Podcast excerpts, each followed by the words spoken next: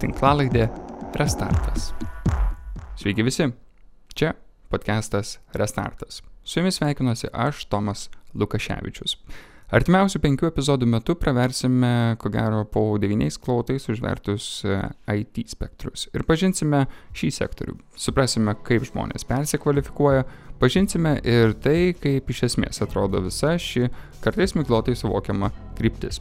Ten dirba labai daug šviesių žmonių ir kalba apie stereotipus, kurie yra susiformavę visuomenėje. Tai tie stereotipai išnyks, kartu pažinsime ir kur link reikėtų kreiptis ir eiti norint tapti dalimi IT sektoriaus.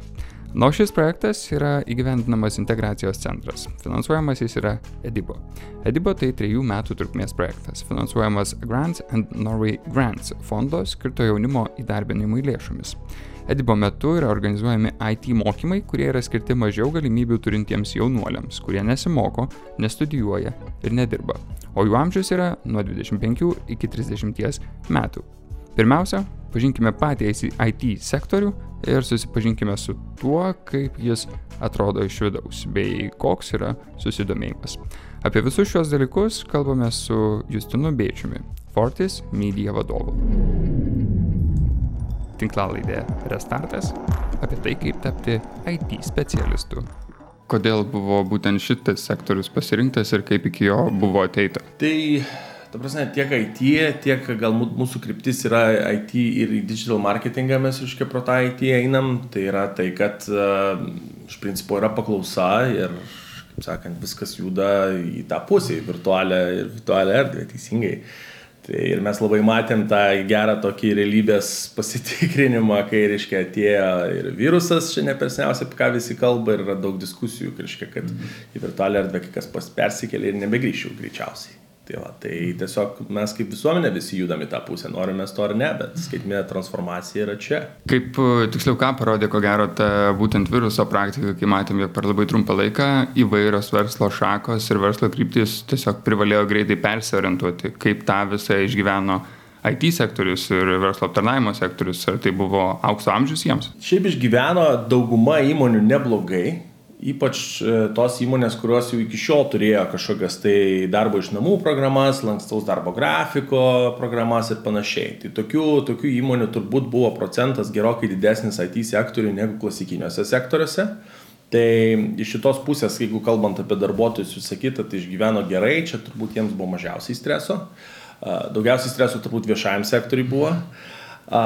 Dabar, sakykime, Iš tos komercinės pusės, tai tie, kurie dirbo su e-komercija, tai žinoma buvo geri rezultatai, tie, kurie dirbo skirtingose sektoriuose, kurie labiau nukentėjo, pavyzdžiui, kelionių sektorius, aviacijos sektorius, tai tie nukentėjo. Tai čia turbūt labiausiai priklausė nuo to, koks klientų portfelis pas kiekvieną įmonę buvo. Jeigu žiūrėtume į visą šią situaciją kaip greitą orientaciją, dinamiką ir panašius dalykus verslo kontekste, Kaip atrodo, ar būtent tie dalykai, kas yra susijęs su IT sprendimais, šiuo atveju yra žymiai spartesni ir patogesni persiorientuoti negu kad, na, kokios, na, kokie nors kiti sektoriai? Be jokios abejonės, IT sektorius turi tą pranašumą, kad e, jis yra, na, tos paslaugos yra internete, ne, tai reiškia, jos yra visur.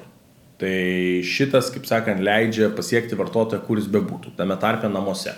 Ne visos industrijos, kaip sakant, tą gali. Uh, Antras dalykas yra nepaslaptis, kad IT įmonės ir savo, kaip sakant, na, kasdieniuose darbuose yra pakankamai modernios ir naudoja ir naujausias technologijas ir taip toliau, nes pa, patys jas kūrė, tai jiems tas persiorientavimas irgi yra, kaip sakant, lengvesnis šitoj pusėje. Bet vėlgi yra turbūt kokį iššūkį visi pamatė, tai kaip jau minėjau, tai yra e, klientų portfelio valdymas ir rizikos valdymas. Kiek daug ši situacija atskleidžia uh, IT verslo pusės uh, specifiškumą, tą greitą pristaikymą, greitą gebėjimą reaguoti į tai, kas vyksta pasaulyje ir tuos momentus. Ar šią situaciją galima būtų prigretinti prie to, jog IT sektorius iš esmės yra būtent tuo pranašesnis už daugelį kitų sričių?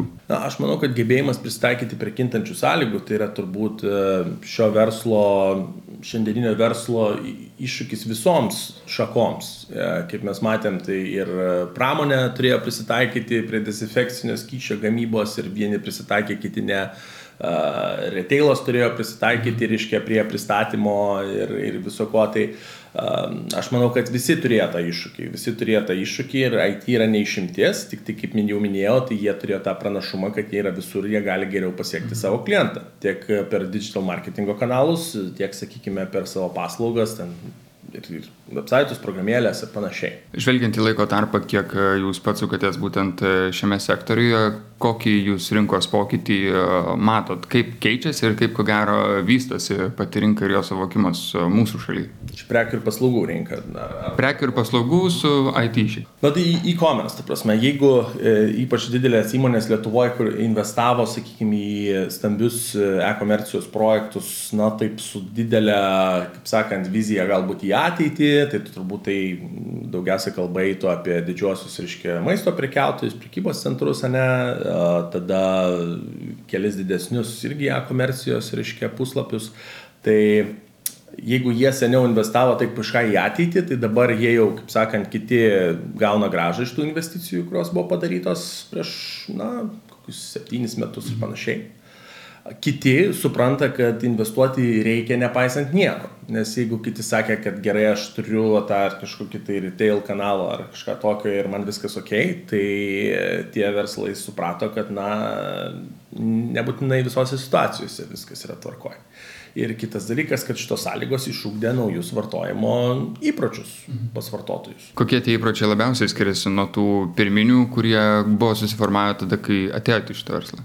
Tai vėlgi turbūt, jeigu kalbant konkrečioje situacijoje, tai tie įpročiai buvo, reiškia, daryti visą, viską gyvenime, kaip ir, kaip ir darydavo ten tėvai ir seneliai. Tai reiškia, jeigu reikia kažko pirktis, reikia važiuoti į parduotuvę, jeigu reikia kažkokios susižinoti kažką skambinti kažkam tai, jeigu reikia įsigyti kažką, tai aptarti, sakykime, sąlygas gyvai ten dėl didesnio pirkinio, jeigu reikia pirkti televizorių, tai reikia jį apžiūrėti gyvai, pažiūrėti, kaip jis rodo ir taip toliau. Tai šitus įpročius iš principo paskatino vartotojus keltis į e-komerciją ir visą tai daryti pirmiausiai tai per telefonus, po to per kompiuterius ir planšetės. Ir tiesiog suformavo, daugiau gal didesnį pasitikėjimą šitais kanalais ir, ir taip pat jie vartotojai atrado jų patogumą. Jūsų galva, kodėl vis dar yra tas e, standartinis, e, na, tarkim, konkrečių pavyzdžių, apsipirkimo modelis, kuomet reikia važiuoti pažiūrėti, kaip televizorius rodo, pažiūrėti, kaip šaldytuvas atsidaro prieš jį įsigijant, vietoj to, kad, na, perskaitęs tam tikras e, specifikacijas internete arba pasižiūrėjęs tam tikrus, na, analizavimo video, galėtum tiesiog įsigyti internetu. Kodėl tas įprotis vis dar yra?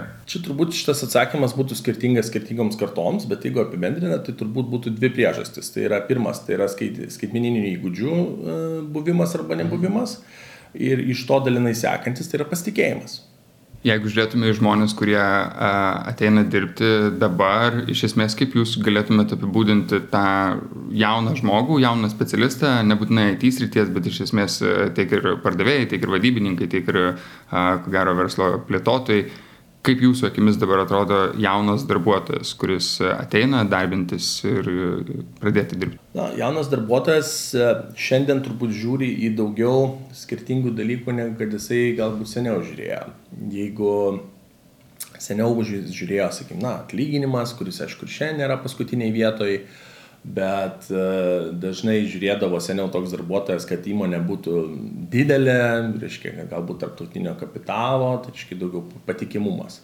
Dabar iš principo jaunas darbuotojas žiūri e, į tai, ką jis realiai darys, koks realus tas darbas bus jisai taip pat žiūri, ką įmonė daro ir, reiškia, kaip tai, ar ir jam patinka, ką įmonė daro ir jis galės asocijuotis, reiškia, kartu su įmonė ir ten veikti ir jam patiks ir galės išreikšti save. Taip pat jisai žiūri į įmonės kultūrą, daug klausinėja, sakykime, per pokalbius, tai ar tai yra artima tos vertybės, reiškia, kurios yra įmonė, ar tai yra ir jam artimos vertybės. Ir, e, sakykime, dabar jaunas darbuotojas, jis nori ne tik, reiškia, gauti darbą ir įdirbti, bet jis taip pat nori kažką tai pakeisti kažką tai reikšmingo padaryti. Jam, jam tas yra svarbu. Jaučiat e, kitimo susidomėjimą e, IT srityje ir žmonių, kurie nori ateiti dirbti čia per savo darbo metus? Ar kinta tas susidomėjimas ir tų žmonių uh, srautas, kuris nori tiesiog dirbti būtent toje srityje? Na, IT sritis Lietuvoje iš principo visą jau ilgą laiką yra, kaip sakant, viena labiausiai geidžiamiausių, ta prasme, tiek tiek žmonės nori ten dirbti, tiek įmonės ieško toj srity darbuotojų. Tai jeigu mes pasižiūrėtume į, sakykime, kad ir ten tam tikrus duomenis, nors jie nėra labai patikimi, tai po devintų metų krizės iš principo tai yra trys industrijos, kurios visą laiką keičiasi tarpusavį tarp, su laisvom darbo vietom. Ne? Tai yra, tai yra, reiškia, IT iš principo, viešasis sektorius ir finansų ir draudimo sektorius. Tai jie ir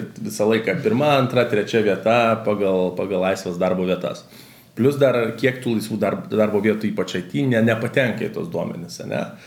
Tai faktas, ta prasme, kad ir pasiūla, ir paklausa yra šitoje vietoje ir didelė kaip e, atrodo dabar visa šita rinka, nes e, jeigu prisimintume kokius 2016-2015 metus, tuomet buvo prognozuojama, kad didžioji dalis įmonių, kurios turi aukštą poreikį aukštos kvalifikacijos IT specialistų, e, iki 2020 metų susiras pakankamai daug darbuotojų. Kaip dabar jūs matot šitą rinką? Ji perpildyta, trūksta žmonių? Aš sakyčiau, turbūt priklauso nuo to, kiek žmonių vienu įpū įmonės stengiasi pasamdyti. Mhm. Jeigu reikia vieno, dviejų, trijų, keturių specialistų, tai turbūt Lietuvoje šiandien nėra didelė problema, ypač dabar, nes yra tų specialistų iš e, industrijų, kurios buvo paveiktos koronaviruso šiek tiek, jeigu reikia įmoniai daugiau specialistų, sakykime, tai daugiau mes kalbam, na, 50, tai tuomet jau yra problema tą padaryti per ganėtinai trumpą laiko tarpą. Yra reikalingas didelis skaičius e,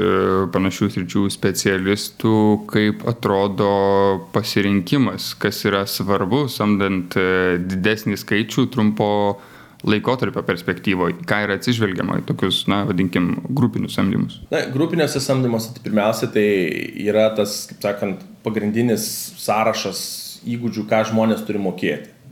Ką, ką jie turi mokėti ir kokiu reikia įgūdžių, kad jie galėtų daryti savo darbą. Tai tai yra na, visą laiką toks vienas pagrindinių dalykų.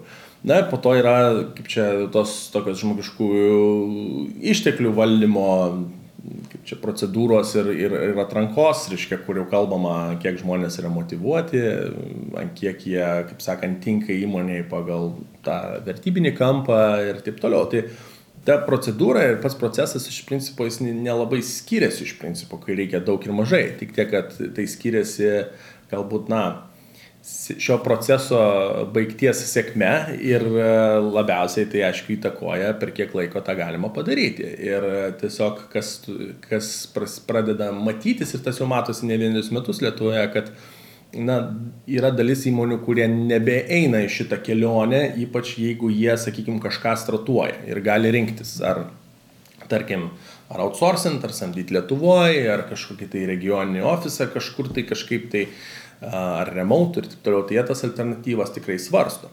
Nebent jie jau, kaip sakant, jau turi didelę komandą ir jiems reikia to papildymo. Mm. Tai tada jau, aišku, jie stengiasi eiti iškai vietinę rinką ir, ir pildyti tą komandą to pagrindu, kokia jinai yra šiandien. Žiūrint į švietimą ir ugdymą ir specialistų parengimą, kaip galima būtų vertinti Lietuvoje rengiamus specialistus, išskiriant ko gero įvairias e, profesinės e, vietas, kuriuose galima mokytis ir išskiriant e, tiesiog aukštasias mokyklas, kurios ko gero stereotipiškai dar yra vertinamos mūsųose, atskiriant būtent tas profesinės nuo aukštųjų. Iš principo tai, ką mes matom Tai parengimas jisai vis tiek, iš kur, e, iš kur žmogus beteitų, jeigu jis neturėjo konkrečios darbo patirties, kol jis mokėsi visose paminėtose institucijose, tai jam reikia gana reikšmingo, kaip sakant, reikšmingo apmokymo e, atėjus į įmonę.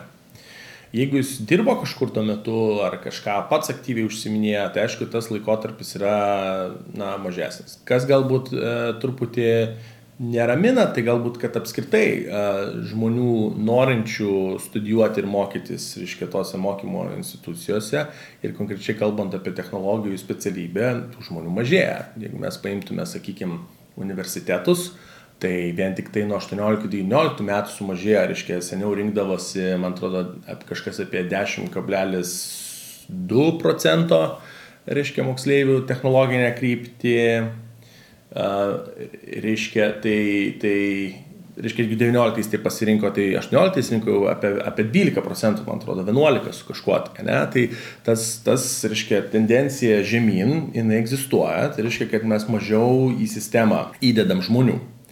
Tai čia yra toks galbūt nedžiuginantis faktorius, nes mes taip pat matom, kad, reiškia, bio, bio mokslai eina į viršų, socialiniai mokslai atsigauna, kurie ėjo žemyn iki tol, ne, ir žmonės sugrįžo, reiškia, į tas specialybės, kurios anksčiau buvo populiarios. Dabar kas džiugina šitoje vietoje? Džiugina iš tikrųjų, na, to privačios iniciatyvos, kaip e, programavimo mokyklos, kurios dabar išleidžia absolventų per metus net netoli 2000, turbūt vien tik tai kelios didžiausios Lietuvoje, ne? Jeigu universitetai išleidžia jau dabar apie 1200. Tai sakykime, ir jie universitetai moko 4 metus, programavimo mokykla moko 3 mėnesius. Ne? Tai...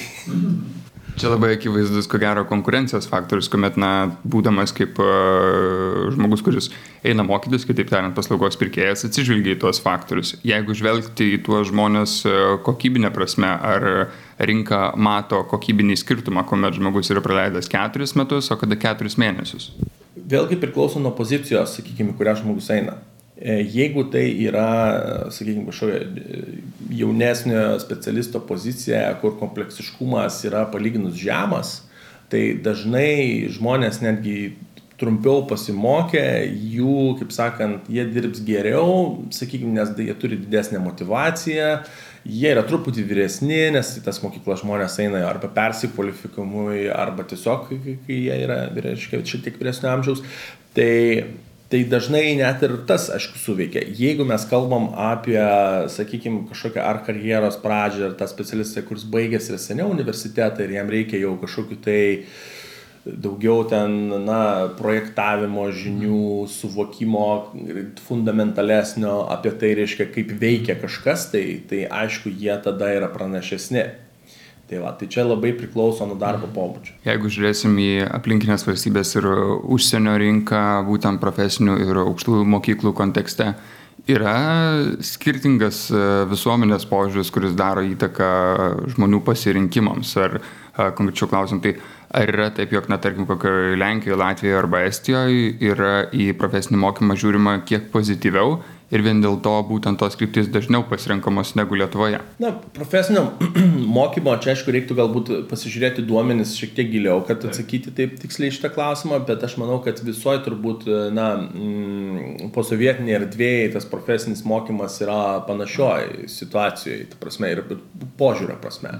Statistika jinai gali būti kitokia, bet iš principo tas susiformavęs požiūris, manau, yra panašus. Turbūt profesinis mokymas uh, kaip pavyzdį galbūt reiktų, nežinau, iš Vokietijos, tarkim, mhm. imti, kur profesinis mokymas yra labai geroj pozicijoje ir mes matom ten ir, kad pagal tą reiškia, kiek į kiek stoja universitetus, profesinis mokymas yra tikrai geroj pozicijoje ir kas yra dar turbūt vertintina tai, kad, tarkim, tokioje šalyje kaip Vokietija, profesinis mokymas yra labai stipriai integruotas su verslu.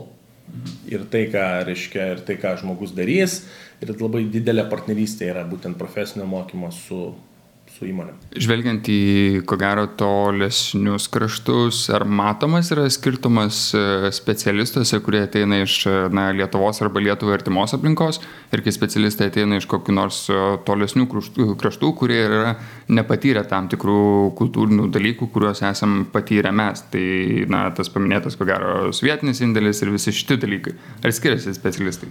Tai kultūrinis skirtumas, faktas, kad yra. Ir, ir sakykime, jeigu mes kalbam, kaip jūs minėjote apie tolimesnius kraštus, tai, tai faktas, kad, sakykime, ten programuotojas iš Indijos, jo yra visai kiti darbo principai, darbo kultūra, kitoks mąstymas, tai prasme visai, na, kitaip, ne?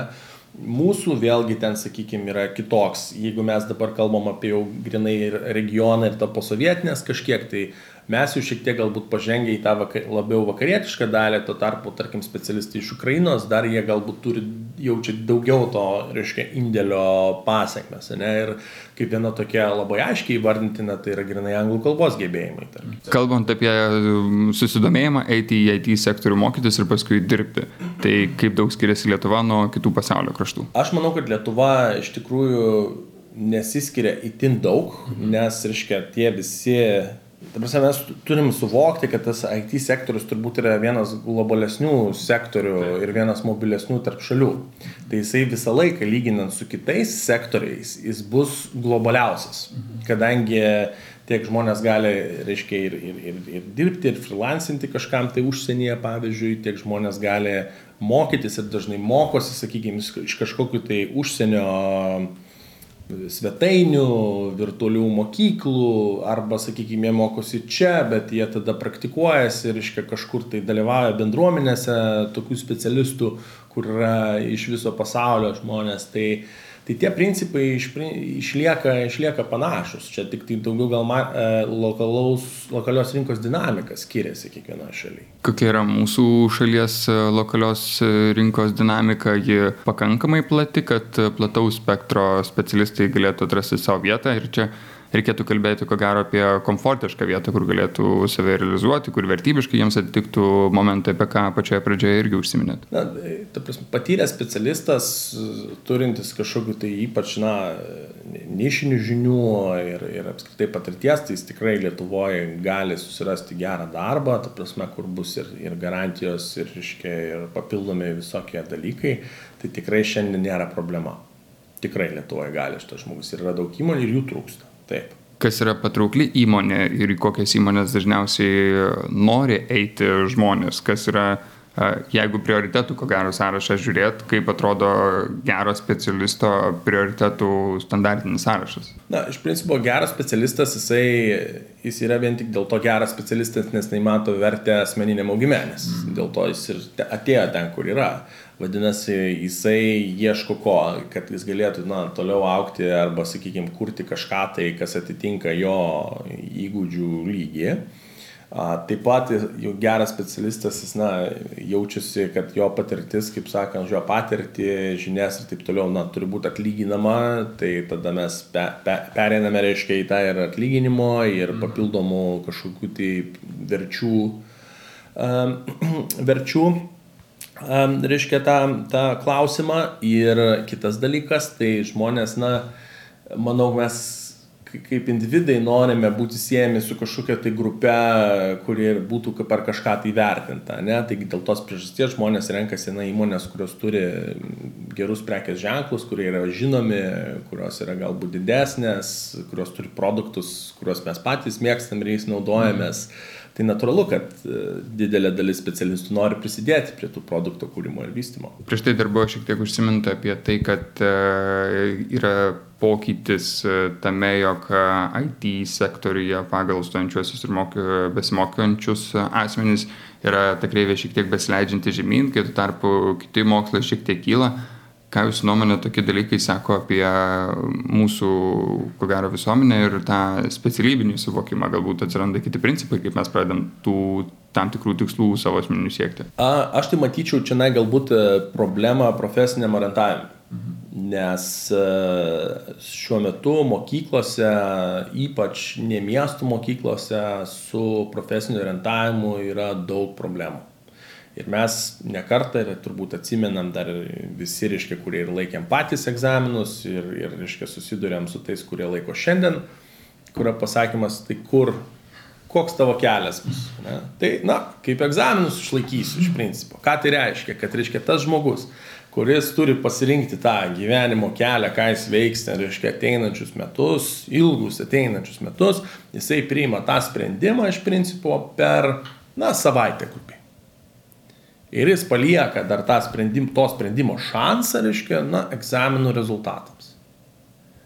Tai, na, tai natūralu, kad profesinio orientavimo programos, kurios veikia, jos ne, ne iš tolo nepadaro to darbo. Dabar, kai žmonės, kurie klausosi, jauni žmonės bando rinkti specialybę, kaip patartumėt, ko gero, a, kada ir kaip pradėti ir kaip jūsų galva ilgai turi trukti tas procesas, nustatant savo kryptį gyvenimo, į kurią tu nori eiti, kad tas pasirinkimas būtų kokybiškas? Aš manau, kad turbūt jaunas žmogus apie tai galvoja nuo itin jaunų dienų, tik tai mes e, kažkurio metu truputį sustojam. Nes jeigu mes pamenam iš vaikystės, tai mes visi norėjom būti policininkais, kosmonautais ir taip toliau, ne? Bet kažkada tas, tas mes nustojam svajoti mes nustojom svajoti, nes grinai na, mokykloje paaiškina, kad va, čia realybė yra kitokia, kad e, čia yra egzaminai, čia yra universitetas, taip prasme, taip toliau, vieni jūs įstosit, kiti jūs neįstosit. Ir, ir tada kitur tada ateina pinigai dar ir iškai visą šitą miksą ir tada žmonės na, pasveria ir, ir, ir atsisako iš tikrųjų svajonių. Tai turbūt patarimas čia būtų nenustoti svajoti ir galvoti ir nenustoti apie tai galvoti. Aišku, kad žmogus apsigalvos kelis kartus, bet jisai turi, jisai turi galvoti apie tai nuolat ir, ir to siekti, o ne atvirkščiai, nepasiduoti tikimybei.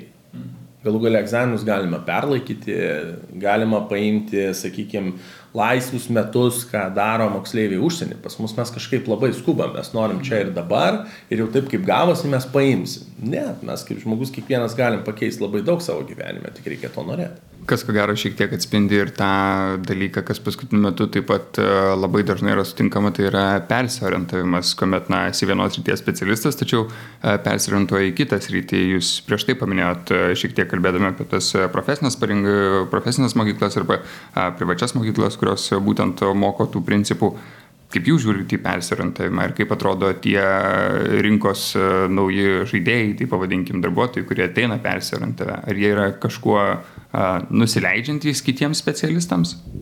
Aš manau, kad jeigu, kad jie nėra nusileidžiantis mhm. ir jie turbūt, na, atitinka tą, kaip sakant, tą miksą iš principo, kuris yra ir, ir, ir tos, kurie, reiškia, ateina iš, na, universiteto ar kaip pirmos profesijos, kaip sakant, atstovai, dažnai jų būna motivacija, sakykime, gan aukšta. Aišku, ne visi jie ir nueina į tą, tą reiškia, kaip dirbti tą sritį.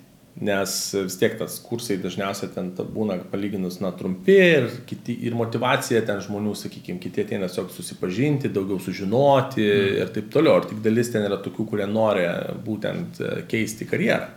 Tai kaip patį principą, tai aš sveikinu iš tikrųjų šitą dalyką, nes tai reiškia, kad, na, kad žmogus galvoja, kaip jisai, ką jis, ko jis nori, kokia yra dinamika, kokia yra realybė, kas ant mūsų ateina. Iš principo, na, tai aš vertinu teigiamai. Jeigu žiūrim į tai, jog e, yra žmonės, kurie pastoviai, ko gero, na, taip grubiai tariant, mėtosi tarptų specialybių, tokiu atveju ką galima būtų patarti jiems, taip šiek tiek atrandant savo tą tiesioginę kryptį, nes ko gero būti specialistu visose įmanomuose specialybėse skamba truputėlį nerealiai ir yra ta labai tinkama patarlė, ko gero tinkamas viskam nėra tinkamas niekam.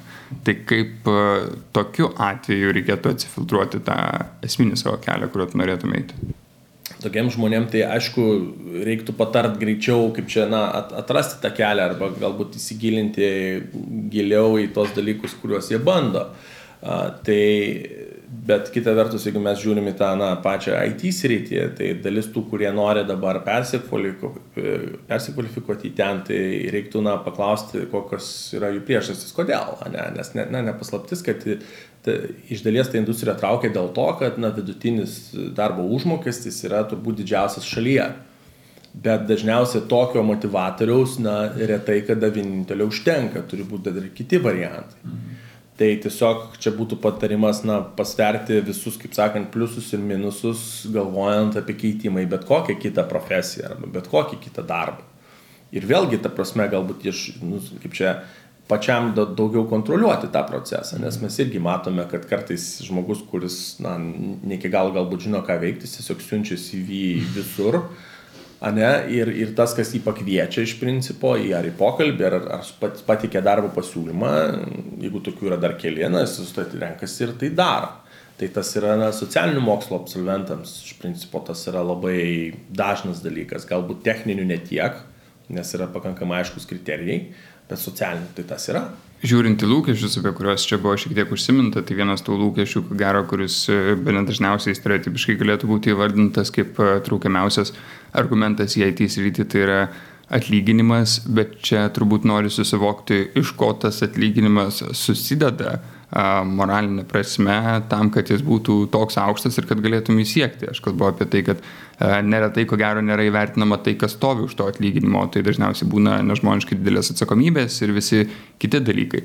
Ar išskirtumėt, jog IT sektoriaus specialistai turi na, daugiau tam tikrų funkcijų, negu kad mato visuomenė ir už tai jie gauna na, pakankamai didelės sumas? Na, čia gal sutikčiau galbūt iš dalies su, su, su, su to dalyku taip, kad, sakykime, tikrai jie kūrė kažkokius tai produktus, kuriais naudojasi tūkstančiai arba milijonai vartotojų.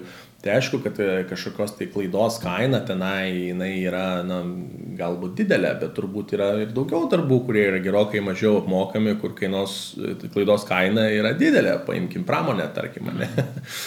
um, Tai IT sektoriuje atlyginimai yra aukštesni dėl dviejų priežasčių iš principo. Tai priežastis, na, numeris vienas, tai yra bendra rinka ir jų, reiškia, ir tų specialistų paklausa. Tai jeigu mes paimtume va, šitą pavyzdį Lietuvoje, mes galime gerai iliustruoti, kas atsitiko ir kur, kur atsitiko tas, sakykime, pirmasis atlyginimų šuolis. Tai buvo po devintų krizės, reiškia, kai ten 90-ais uh, atsidarė Barclays, reiškia, mhm. centras. Ir jiem reikėjo daug žmonių jie galėjo mokėti virš rinkos kainos ir ką jie sukėlė, na, pakankamai tokį didelį šoką vietos įmonėms, kad pradėjo išeidinėti žmonės, reiškia, už gerokai didesnį atlyginimą ir tas didesnis atlyginimas atgal atėjo į rinką. Ir po krizės visi buvo dar taip, kaip čia dar tik atsigavimo nuotaikos taip toliau, mes žiūrim, kaip susidėliota komercinė pusė, o dabar dar atlyginimai, ten 20-30 procentų staiga kyla gerų specialistų, ne, ir dažnai net, net ir už tai jos nepavyksta išlaikyti. Tai Tai va čia buvo, kaip sakant, tas pavyzdys ir iliustracija iš tos pasiūlos paklausos. E, ir antras mano minėtas dalykas tai būtų pridėtinė vertė, e, kurią, reiškia, na, kūrė specialistai. Ne? Tai jeigu mes lyginam su priekybos įmonėm, tai uh, yra iš principo prekė, prekės kaina, kuri nuperkama yra iš tiekėjo, tada, reiškia, uždedamas kažkoks antkainis, tada prekė vežama yra, ne, tada jinai kažkur laikoma, parduodama ir taip toliau, ir tada darbuotojai tik tai kaip ant viršus, reiškia, yra tokia dedamoji, kuri užtikrina, kad, kad viskas ten vyksta ir nuo A gaunasi iš A gaunasi B. Šiuo atveju, jeigu mes paimtume IT, tai patį produktą kūrė grinai žmonės na, savo intelektualiniais gebėjimais. Tai yra iš principo produktas. Ir e, dėl grinai šito skirtumo yra tiesiog žymiai aukštesnė pridėtinė vertė IT, IT sektorėje. Čia labai ko gero sėtina būtų su įvairiais e, kūrybiniais procesais, kuomet, e, na, tarkim, atlikėjas, kuris sukuria dainą ir ją atlieka ir už ją gauna pinigus. Iš esmės tai nėra kuriamas kažkoks apčiuopimas procesas arba dalykas, tačiau tai yra intelektualinis turtas, kuris iš esmės ir sudaro didžiąją dalį kainos, kurią moka vartotojai už tam tikrą produktą. Atrodo, kad čia įprastas e, verslo modelis, kuris yra kiek kitoks negu kad įprastai ir jis formuoja tą paslaugos kainą. Na, tai galbūt palyginama, tik tai galbūt mhm. su jūsų pateiktų pavyzdžių aš galbūt, na, tokį gal nedidelį skirtumą identifikuočiau, kad galbūt išliekamoji vertė, sakykime, ekonominė prasme, ne emocinė prasme, toli gražu ne, bet ekonominė prasme iš to, reiškia, to IT sektorių yra galbūt didesnė. Mhm. Nes vis tiek, sakykime, žmogus, jisai savo intelektualinį potencialą, reiškia, išreiškia ar kodų, ar, ar kažkokiu tai dizainu, ar, ar koks, kokios tai tos siauresnės ryties specialistas būtų. Ir tai, tai dažniausiai būna kažkokia tai aplikacija ar verslui, ar vartotojui, ne, mes ir patys naudojamės daugeliu tų aplikacijų. Tai, tai, ir tai jau tada kūrė ekonominę vertę iš principo. Čia pradedame eiti to link, jog, na, sunku būtų pasakyti, jog IT specialistu gali būti kiekvienas, nes a, čia pradame jau justi tokios asmeninės savybės kaip globalus platus matymas, kūrybiškumas, neišvengiamai gebėjimas dalykus apjungti, matyti plačiau.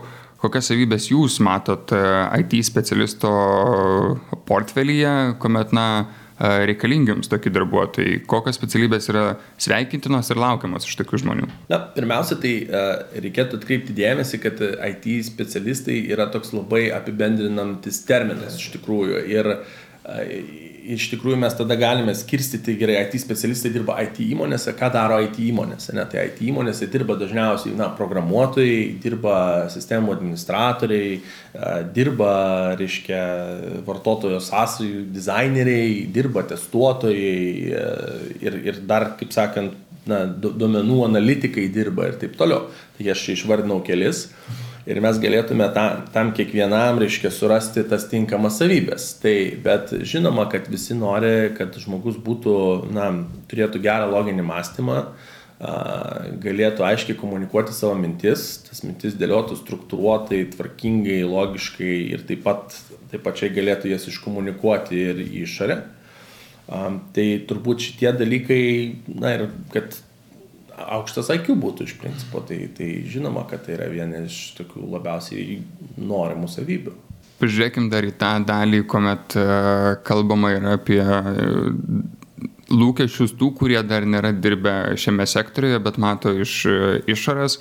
Tai čia reikėtų kalbėti apie tas visokias e, pridėtinės vertės, nes taip mes kalbėjome apie tai, kad na, atlyginimas yra vienas iš tų prioritetinių dalykų, vertybės ir e, savęs kažkoks realizavimas taip pat yra prioritetiniai prizmai ten jau toliau besileidžiant mes galim atrasti tokius dalykus, kuriuos visuomenė, kuri iš esmės, ko gero, taip gerai nepažįsta darbo rinkos ir darbo rinkos formavimo, darbuotojų pritraukimo ir išlaikymo metodų, kritikuoja arba iš jų šiek tiek juokiasi. Tai tarkim, gyvūnėlių diena, švieži vaisiai iš tolimų kraštų kiekvieną rytą ir visi kiti dalykai. Kaip tos visos pridėtinės vertės formuoja gerą mikroklimatą pačioj bendruomeniai, kuri dirba ir kodėl jos yra reikalingos? Na, šitos pridėtinės vertės, kaip čia, jos, jomis įmonės bando e, išsiskirti iš kitų. Mhm. Bando išsiskirti iš kitų, tada kitos seka, sakykime, ir taip mes turime va, tokių verčių ir, ir kai kurių tų verčių egzotiškų sąrašą, prasme, nes, e, reiškia, yra konkurencija. Bet e, aš manau, kad tai turi, turi galbūt įtakos darbuotojų pritraukimui, galbūt jų savijautai, bet aš manau, kad turbūt ilgesniuoju laikotarpiu tai vis tiek daugiau tas, kaip sakant, įmonės kultūra, mhm. Ką įmonė daro, sakykime, kiek investuoja žmonių augimą, ką įmonė kūrė, ar, ar sakykime, ar įmonė yra na, procesai ten sutvarkyti ir taip toliau, streso lygis yra. Tai man atrodo šitie, svarbimai, šitie dalykai yra svarbesni, nes su vaisiais ten ir kitais panašiais dalykais, na, čia žinote, kaip sako apie atlyginimo pakelimą, sakykime, kad kai yra nustatyta įvairiais tyrimais, kad jeigu žmogus gauna, reiškia, pakeliam atlyginimą, kad po ten trijų ar kažkiek daugiau mėnesių jisai, reiškia, jau ne, na, kaip ir nebejaučia to ir jis jau kaip ir čia tampa status quo.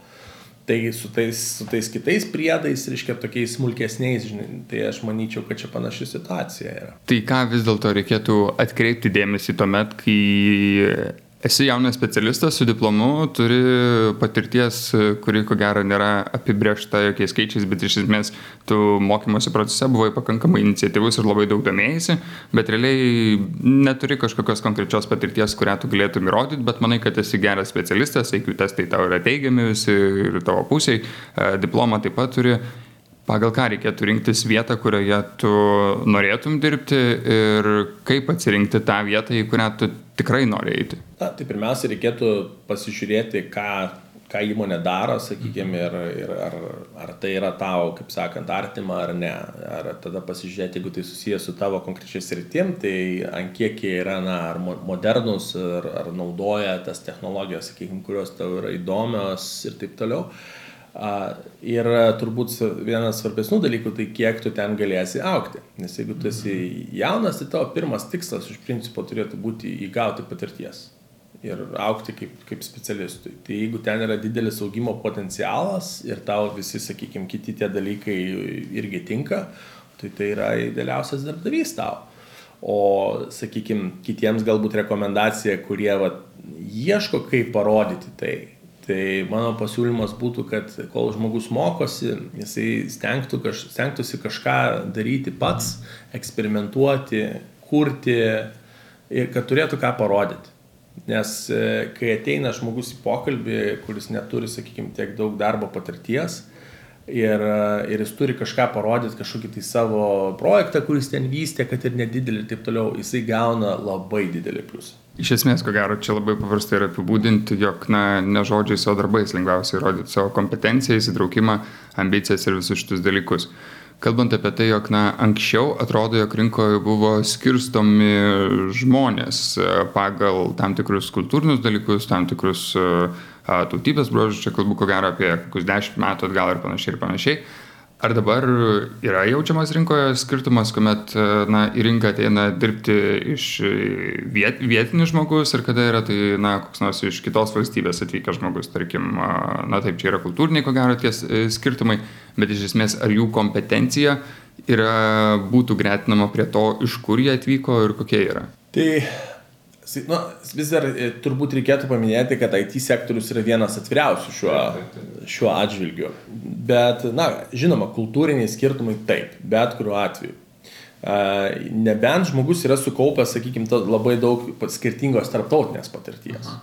Tai e, tas ir mūsų specialistams galioja, kurie padirba kažkiek tai su amerikietiškom įmonėm, su ten Europoje, ten daug kas, kaip sakant, Olandijoje daro kažką, ten ir taip toliau, taip toliau. Tai ta tokia tarptautinė patirtis, jinai tokia suauga į vieną tarptautinės patirties paketą. Ir jie jau maždaug žino, kaip Uh, tai sakykim, su šitais žmonėm jie, jie gali, jie greit prisitaiko, jie greit priima kitas kultūras, uh, jie, kaip sakant, greit adaptuojasi. Jeigu specialistas tokios patirties neturi ir jam tai yra pirmas darbas, sakykime, kitoje šalyje, tai žinoma, jam prisitaikyti užtruks ilgiau, jisai, kaip sakant, gal bus mažiau aktyvus siūlyti savo kažkokias tai idėjas, na ir jau mano minėtos kalbos barjeras, tai ypač kalbant su, sakykime, galbūt iš, iš ar rytų atvykstančiais specialistais, o ir mūsų atitinkami orientacija į anglų kalbą. Tai va čia tas konfliktas šioks toks ir yra. Ir pabaigai žvelgiant į tai, kiek daug Lietuvoje parengiami specialistai ir yra paklausus užsienio rinkose, ar e, tai iš viso reikėtų išskirti, ar reikėtų grįžti prie to, kad, na, IT šiaip yra toks globalus ir atviras dalykas, kad čia ten iš kur tu esi yra tiesiog kažkur dešimtoje eilutėje iš esmės pagal svarbą. Iš principo tai yra pirmoje eilutėje, tai yra tai, kokia yra tavo patirtis ir kokie yra tavo įgūdžiai. Ir aišku, ar tu gerai kalbi angliškai, o dar jeigu kalbi ir kitom kalbom, tai dar didesnis pliusas. Tai čia yra esminiai dalykai. Dabar tavo, kaip sakant, iš kur tu esi ir, ir taip toliau, tai nėra taip svarbu, nebent, aišku, tai yra kažkokia tai teisiniai, teisinės problemos, na, ne, kaip kad mes matom dabar, Amerika labai spaudžia su imigracija ir taip toliau. Na, bet čia jau irgi, kaip sakant, jau penktoje eilutėje gal.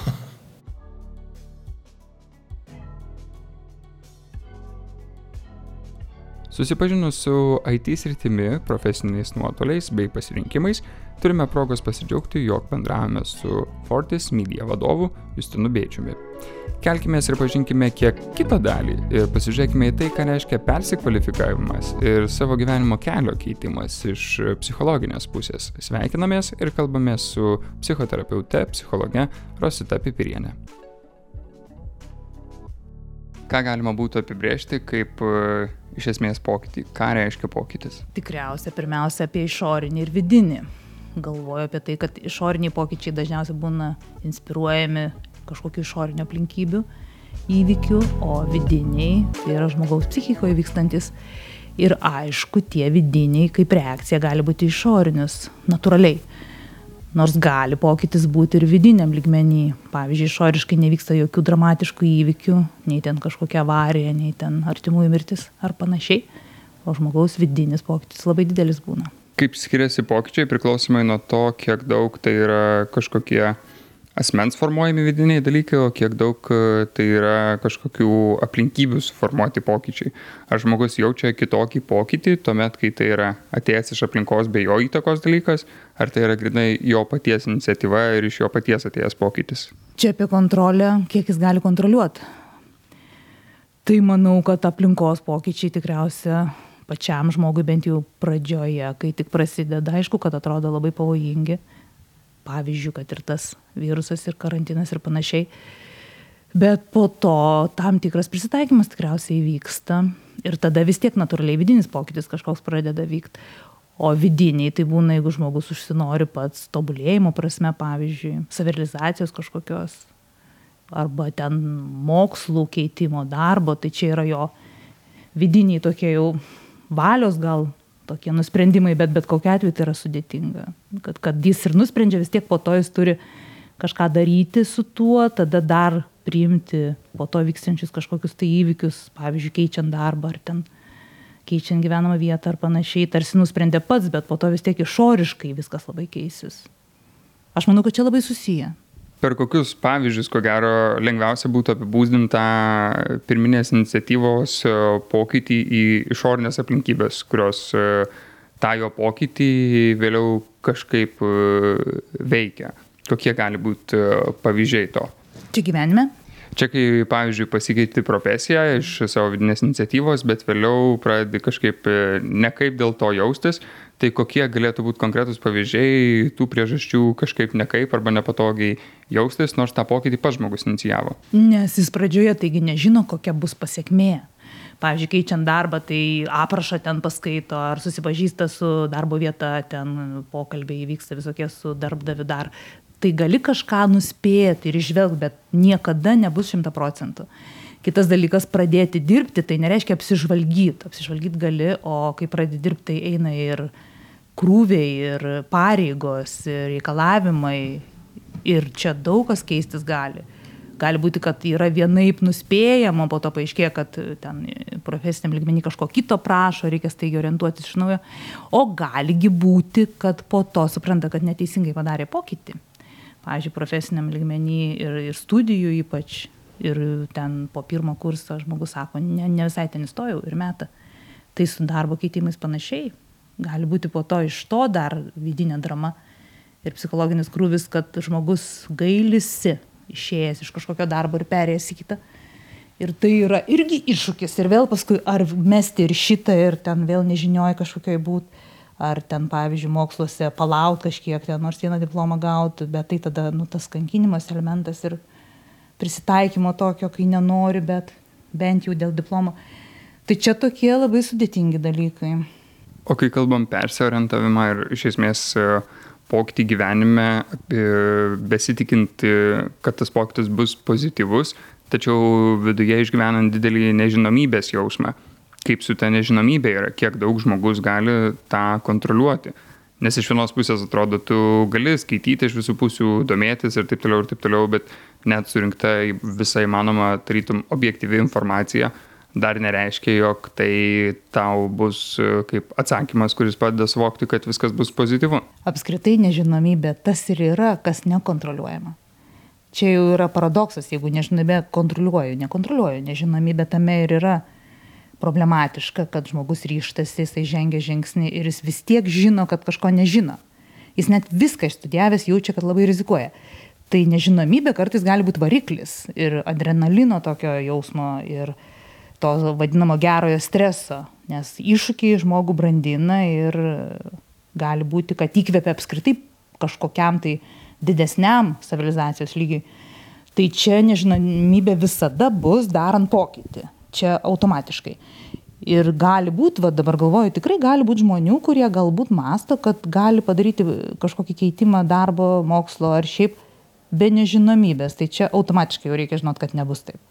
Vis tiek yra tam tikra tokia, nu, reakcija, kai esi abejoniai, vis tiek kažkokia abejoniai būsi. Tai čia nežinomybė ir atsiranda, kol nepatiri. O po to dar veiksmas yra, vis tiek jis yra tame naujam darbe, pavyzdžiui, tai ten irgi keičiasi tas vadinamas pripratimas iš pradžių, po to ten atsiranda ir su bendradarbiais santykis, jeigu atsiranda, jis gali atsirasti teigiamas, gali nelabai. Ir ten dar veiksmas iš naujo keičiasi. Vėl iš naujo reikia pratintis. Tai apskritai nežinomybė, man atrodo, yra gyvenimo dalis. Nemanau, kad čia reikia kaip su ją kovoti ar išsigąsti, kaip faktą reikia priimti. Nepaskęs gal tame, nu kad kažkokia bent kontrolė būtų, kad nėra daroma sprendimai su visam. Va čia problema būna kartai žmonių. Jie išsigąsta, kad pakeitę darbą, čia jau vos ne, nu, padaro tokį sprendimą, kur nieko judinti negalės. Šiaip iš esmės viską galima judinti, kol nesigrabė tai šitoj vietoj aš sakyčiau reikia nuimt dramą nes daug kas keičia darbą ir galvoja nu jau dabar turiu padaryt tūkstančio procentų sprendimą o iš tikrųjų tai yra tiesiog va to kelio etapas kažkoks. Su mokslais tas pats. Aišku nereikia bele kur stoti bet tą dramą kai susikelia tie abiturientai privalau įstot taip kad tiesiog va tik tą ir baigsiu ir čia yra šventa mano gyvenimo ten esmė ir panašiai tai aišku kad ne. Galima tų diplomų keturis turėti pailiui ir nieko čia tokio. O kaip atrodo, nuo ko prasideda mintys apie uh, persikvalifikavimą, apie tai, kad na, kažką reikia keisti gyvenime, kiek daug profesinis pokytis yra pasiekmė kažkokių vidinių lūžių arba kažkokių vidinių išgyvenimų? Mm, čia reikia pagalvot. Vienas dalykas labai nuo žmogaus priklauso. Dabar apie save iškart pagalvoti, man būtų nuobodulys, nes negaliu pakęs, kai nuobodu. Tai man jeigu yra kažkur nuobodu, aš arba keičiu to darbo ar tos veiklos specifiką, arba aš bandau ieškoti kažko, tai kartais išeinu iš to darbo ir einu kitur. Bet čia mano, o šiaip gali būti, kad kas, kas įtampa, pavyzdžiui, labai stipri. Ir įtampa gali būti vienas dalykas su kolegom, darbdaviais ten arba bendradarbiais, tokia, kur sunkiai pakeliama ir bandyta spręsti jau per visus įmanomus kanalus ir neišeina. Tai vienas dalykas, kas tikriausiai stabdo žmogų toliau tame būti, gali būti įtampa su vidiniais dalykais, čia jau kur šnekėjom, kad tiesiog jaučia, kad tas kelias kitur suka. Apskritai žmogus, jeigu jisai ieško, nu, jisai negali būti visiškai vienam kažkokiam taške, tapo kažkokiu, va, pavyzdžiui, vyrėjų ir jis vis laik ir bus to vyrėjų. Vis tiek kažkokia paieška vyksta. Tai tada viduje kažkas, tai tik tai kokie simptomai ten gali būti. Ai, nu vienas tai toksai, kai žmogus keliasi iš ryto ir jis jau nebenori keltis, tavarsime, kai jam į darbą reikia eiti jau tiesiog automatiškai yra toksai, nu vaikam, pavyzdžiui, skauda pilvą einant į nenorimą darželį ar mokyklą, tai jie taip supranta ir tai pasako apie stresą, o žmogui tiesiog toks nenoras būna. Ir jis nėra trumpalaikis, nes nenoriu ir aš kartais, bet būna toksai, nu jis ilgas ir toks jau iki tokio depresyvaus fono eina, kad nieko nebenori beveik. Tai čia irgi būtų simptomatika tikriausiai, kad kažkas netaip su to darbu ar to mokslu patyčios, smurto elementai tie psichologinio irgi. Bet čia jau tokie, nu, dramatiškesni. O vidinės dar kokios galėtų būti aplinkybės viduje. Apskritai noras kažką naujo patirti. Tai kartais žmonės ieško ne todėl, kad jiem neįdomu arba sunku kažko naujo, bet todėl, kad atina etapas. Tai čia va tos amžiaus vidurio krizės. Tiesiog etapas vienas baigėsi psichologiškai, bręsta žmogus ir jisai išsikelia naujus klausimus. Ir natūraliai gali pradėti kažkur kitur eiti mokytis. Ir su darbu gali tai būti. Kažkoks vidinis šauksmas, nežinau, sterilizacijos kažkoks poreikis. Čia jau tokie būtų gal dar papildomi. O iš esmės profesinį pokytį galima būtų sieti su kažkokiais e, vidiniais, su profesija nesusijėtinais e, dalykais. Ar tai galėtų būti kaip kažkoks iš esmės e, pokyčio poreikis, kuris yra realizuojamas arba lengviausiai realizuotinas per profesinį kelią. Kai žmogus nori kažką keisti, pats nežino ką ir jis bando nuo profesijos pradėti, nes tai yra aiškiau ir, ir geriau matoma, vad, nu darbą pakeisiu ir tikriausiai pradėsiu laimingiau gyventi būna tikriausia. Ir tas yra dar kas svarbu, pavyzdžiui, jeigu ten santykiai pašlyja ar dar ir žmogus pradeda keisti darbus vieną po kitą, o nežiūri tos problemos, kuris sunkiausia tuo metu. Nes darbą tarsi lengviau valdyti toks įspūdis, ten vis tiek žinai, kad nu galbūt kažkur priims dar, o santykiai bandyti aiškintis, kuris yra svarbus, ten ar su vaikais, ar su, su toktiniu, ar dar kažkur yra labai sudėtinga, pavojingiau tarsi gali būt tokia kaip išveika šiek tiek. Ir tada, aišku, tas darbas yra jau tik tai kaip kažkokia priemonė. Toks, nu, tada natūralu, kad pereisi kitą darbą vis tiek nepagerės. Nors gal, gal ten kažkokie nauji dalykai atsitiks ir šiek tiek sušvelnės ir kitose vietose krizė. Bet čia įdomus tas klausimas, jom. Pabandykim pažiūrėti iš e, tos uh, kitos pusės šiek tiek, ko gero, tuomet, kai um, tas pokytis įvyksta ir tu pradedi išsikelt savo kažkokius lūkesčius, dėl, dėl, kurių, dėl kurių tu pradedi bijoti. Tai mes kalbėjome apie vieną iš tų dalykų, tai yra pavyzdžiui nežinomybė, nes nežinai, kur tai tavęs, bet yra ir kartu kiti lūkesčiai, kurie taip pat, ko gero, plačiam kontekste susijęsi su nežinomybė, bet iš esmės, tarkim, lūkestis, kad gyvensiu laisviau, lūkestis, kad uždirbsiu daugiau kiek daug žmogus susiduria su kažkokiom papildomom baimėm keitimo procese ir kaip tas baimės reikėtų nugalėti. Tai baimė, čia nelabai nugalėsi. Manau, kad svarbiausia įsisamonint. Pagrindinis dalykas, jeigu jau supranta žmogus prieš bet kokį pokytį, ko jis bijo, tai jau yra jisai labai dideliai geroj perspektyvoje, nes jis savo jausmą įsivardina, kad bijo. Tada jeigu jis dar ir priežastį žino, ko bijos, vad kad ir nuojam darbė ir ko jam labiausiai neramu, Pavyzdžiui, ten bijo su nepažįstamais iš karto bendrau dar. Ir va šitą tada jisai įsivardina, tai jau yra tam tikras kontrolės jausmas. Tai pati baimė, aš manau, iš viso, nu, jinai, ar jinai nusigalės taip lengvai, manau, kad įsivardins, tada jinai pamažės. Čia faktas. O po to vis tiek kažkokiu būdu reikia perženginėti ją. Tai va čia gal vadinamas nugalėjimas. Aš tai sakyčiau, kaip čia kitai pasakius, mm, žinoti, kad bijau, suvokti tai ir vis tiek daryti tai, ko bijau. Sakyčiau va šitaip. Tai čia tada natūraliai yra nugalėjimas baimės, nes jis savotiškai pranyksta. Pavyzdžiui, ten bijau kalbėti dėl atlyginimo pakelimo su vadovu, žinau, kad bijau, susikaupiu, pasiruošiu, parepetuoju kalbą galų galę. Ir tada vis tiek einu ir kalbu. Gali pakelt, gali ne. Galiu atsakymą ir taip ir negauti tai va tą daryti vis tiek jeigu nors šiek tiek bijai arba ir labai kai bijai aš sakau va šitas gal motyvas svarbus nes kai kurie žmonės sustoja. Jie galvoja kad ta baimė yra neįveikiama ir ten nieko nebedaro. Ir, ir sėdi ten kur visiškai blogai ir, ir skundžiasi ir kitus dar nelaimingus daro aplink. Tai iš esmės tas e, suvokimas, jog tai yra baimė ir jos prieimimas, e, vienas iš kelių, kaip e, su tom baimėm tvarkytis, kaip tvarkytis su lūkesčiais ir kaip nustatyti sveiką lūkestį pokyčio perspektyvą. Ar šis tai yra įmanoma, ar tai yra kažkokie organiniai dalykai daugiau? Čia apskritai labai geras terminas sveikas lūkestis. Mm, net negalvoju apie tai niekada. Tiesiog lūkesčiai. Adekvatus lūkestis ne visai gali būti sveikas. Atrodo tuo metu adekvatu, pavyzdžiui, ten dar vieną darbą pasimti, nes pinigų trūksta, o iš tikrųjų sveikas lūkestis būtų žmogui, jis jau pervargęs tiesiog atostogas pasimti ir palsėti ir po tų atostogų gali būti jam bus ramiau dėl tų uždirbamų pinigų ir nebereikės naujo papildomo darbo. Aha, sveikas lūkestis. Man atrodo, pagrindiniai dalykai tai yra vidinis jausmas pačiam savo, ko aš dabar noriu apskritai. Jeigu yra pokyčio noras, tai kokio pokyčio, į kur ir iš kur. Nes kartais būna žmogus pokytį daro bėgdamas nuo kažko, o kartais būna daro pokytį kažko ieškodamas. Tai visąlaik sako kad geriau yra kažko ieškot negu nuo kažko bėgt. Bet ir taip ir taip tinka kai yra situacija sudėtinga. Tai kai ieškau tai ko ieškau ten vos neįsivardint kažkokie dalykai nu ką aš noriu daryti ką aš mėgstu.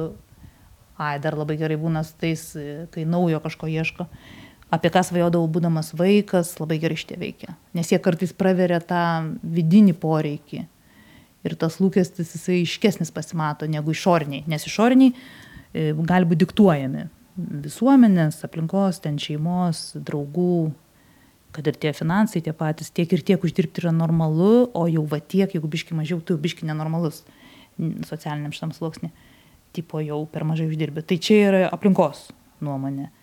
Tai va tam, kad savo išsigrynint lūkesčius, aš manau, va šitie labai paprasti tokie svajonių dalykai, žmonės šis svajonių nebeturi. Jie turi norus ir ten visokius prioritetus susideda, bet svajonė, nes svajonė tai nėra visai noras.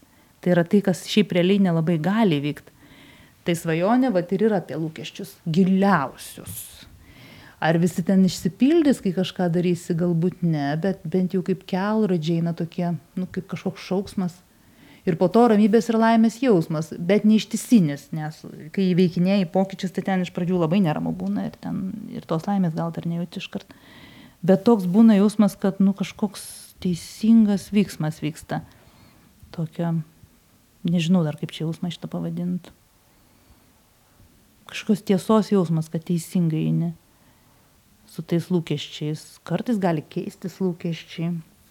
Irgi nebijot reikia ir bręstant žmogui šiaip keičiasi lūkesčiai. Šalia turbūt reikėtų dar kalbėti apie dviejones e, pokyčio perspektyvoje, tuomet, kai tu jau žengiai žingsnį, tarkim, persikvalifikavai, jau pradėjai tuo, tarytum, naujų savo gyvenimo keliu profesinė prasme. Ir tada pradeda kilti tau dviejonės ir tu pradedi svarstyti, kuris iš tų dalykų, ar šitas kelias mano, ar tas prieš tai buvęs mano kelias yra geresnis. Iš kur tos dviejonės ateina ir kaip su juom reikėtų susitvarkyti, kad na, jos neneštų jokio negatyvaus fono žmogaus gyvenime. Tai abejonė reiškia, kad žmogus gyvas. Tai dviejonė kaip abejonė panašu. Tai jeigu žmogus pats primtų, kad abejoti ir dvėjoti natūralu, tai vėl gal mažiau būtų to nerimo ir to pykčio ant savęs, kad jeigu jau apsisprendėjai, tai kodėl čia dar save pjauni, ar kodėl klausimus iš naujo keli gerai čia šitam naujam darbė ar negerai. Normalu kelti klausimus. Tai dviejonė, bejonė, kaip faktas ir kaip potyris yra normalu. Tai jeigu mes tą priimam, jau yra biški lengviau, nes bent jau nepykstam ant savęs, kad tai jeigu tu dviejoji, reiškia blogai pasirinkai. Ne, Čia reiškia, kad tiesiog mes mastom. Apskritai, mąstantis žmogus turi abejonę iš esmės kaip tokia. Ir tai yra brandos požymis. Bet jis su ta abejonė kažką daro, jis nepalieka jos nežinomybėje visiškoji ir tipo, ai, nežinau ką daryti, tai tegu pasaulis nusprendžia, tegu man va, draugai pasako, kur stot arba, nes aš neišlaikau tų abejonių, dešimt profesijų noriu ir pats nesuprantu ko. Per sunku tada bet kas patarė, bet ką darau, o va paskui jau skundžiuosi tai pačiam mąstyt apie tai. Bet grįžti ar ne atgal, va čia tai labai sudėtingas dalykas. Ir čia aš tokio atsakymo ir neturiu. Jeigu žmogus labai stipriai užstringa naujam pasirinkime ir ten trauka atgal yra, vėl pabandyti čia kaip iš mokyklų kartais mokiniai išeina dėl kažkokio problematiško dalyko mokyklai, pasimoko kažkiek naujojo ir grįžta atgal. Ir tai nėra blogai. Tarsi, vat, nu, kartais būna toks patikrini, ir supranti, kad tarsi tas grįžimas yra, nu tarsi patikrinęs kažką kitur, tu suvoki, kad an, anoj vietoj buvo gerai. Patikrinęs naują dalyką, jauti, kad ten buvo prasminga, kur prieš tai buvai. Čia sudėtinga, čia labai sunku pasakyti vienu atsakymu.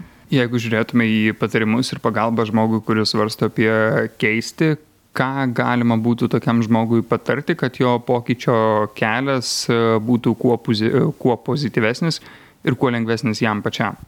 Mhm. Tai čia gal irgi tie pirmi dalykai apie tai, kad įsigrynint savo norus, iš viso ko nori. Ir ten geriausia veikia apskritai tokie visiškai laisvo rašymo. Nes dažnai būna, kad, pavyzdžiui, jeigu su karjeros konsultantais kažkaip išneki ar ten tais kaučeriais vadinamais, tai jie dažnai labai konstruktyviai sako, labai kryptingai žiūrėk į darbą, tik apie darbą svajok grinai tą rašyti reiškia. O aš tai daugiau galvoju, kad reikia visiškai rašyti, pavyzdžiui, šimtą norų. Šiaip, va taip padirbėti reikia. O žmonės sako, ką aš dešimt negaliu parašyti, tai reikia rašyti tiesiog. Ir kartais būna ne per vieną dieną rašai, o ilgiau. Ir vis tiek šimtas pasirašo. Ir va iš tų braukti tuos, kurie, pavyzdžiui, yra patys įdomiausi arba patys keiščiausi.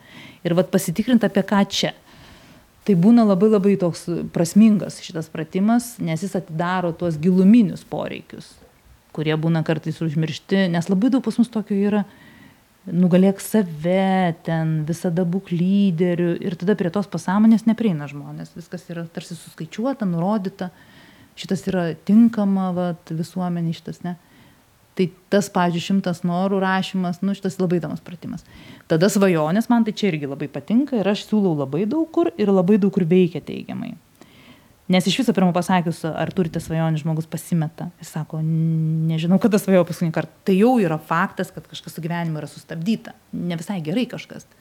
Turi būti svajonės. Ir tada labai svarbu, kad svajonės būtų šiek tiek, nu, arba ir tie norai išryškinti per kelias rytis nes būna kartais į vieną viskas orientuota. Ten, pavyzdžiui, tik finansai.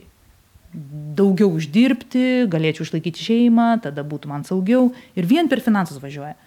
Tada reikia grįžti į save, o tai ko noriu, jeigu, pavyzdžiui, turėčiau tūkstančius, tūkstančių tų pinigų, tai ką aš daryčiau. Ir va tada išriškėja tie kiti jau, galbūt gilesni poreikiai, kurie buvo užspausti nesaugumo iš pradžių dėl finansų. Tai žiūrėt, kad nebūtų vienas rytis, kuri viską nugali, paima pavyzdžiui. Arba tik tai saviraiška. Man pinigai nesvarbu, aš noriu kurti ir aš belė kur eisiu ir kursiu ir, ir visiškai pinigų neprašysiu, tik savanoriausiu. O po to ten vaikai neturi ko valgyti. Tai irgi negerai. Ta prasme, nu, kažkokia turi būti tokia balansas, bet tame, kai to ieškai, turi būti visiška laisvė. Tai neribot savęs, kai savo rašai apie tai ir kalbi su kažkokiais žmonėmis kurie tame gali padėti, nes gali būti žmonės, kurie keitė darbus ar ten mokslus ir gali pasakyti, kaip po to buvo. Galų galia tie patys psichologiniai visokie pokalbiai su įvairiais žmonėm, kurie tame yra, ar ten verslo konsultantai, ar psichologai. Tai yra apie tai, kad dalintis, tada besidalinant, kai save girdi iš šono, irgi gali daug labai suvokti, tada kitas gali kažkokį atspindėjimą duoti, bet su patarimais reikia atsargiai. Tavars, jeigu jums duoda patarimus, kur stoti, mes, ne mes darbą keisti, juos išklausyti reikėtų, aš manau, nes vis tiek informacija įdomi, bet labai atsargiai reikia daryti tai. Nu, ta prasme, vis tiek pats žmogus turi spręsti. Tinklalaidė Restartas. Kalbėjome su Rosita Pipirienė apie tai, kaip mūsų veikia mūsų gyvenimo kelio keitimas. Priminsiu visiems, kad e, šis podcastas lydės jūs dar artimiausius keturis epizodus, per kuriuos turėsime progos susipažinti su IT užkaboriais, kurie neretu atveju yra paslėpiami nuo mūsų. Priminsiu visiems, kad naujasis bootcampas startuoja nuo rugsėjo pradžios. Norintiems tapti jo dalimi, reikėtų užsukti į Active Youth svetainę. Projektas yra įgyvendinamas integracijos centro, finansuojamas Edibo. Iki kitų kartų. Iki.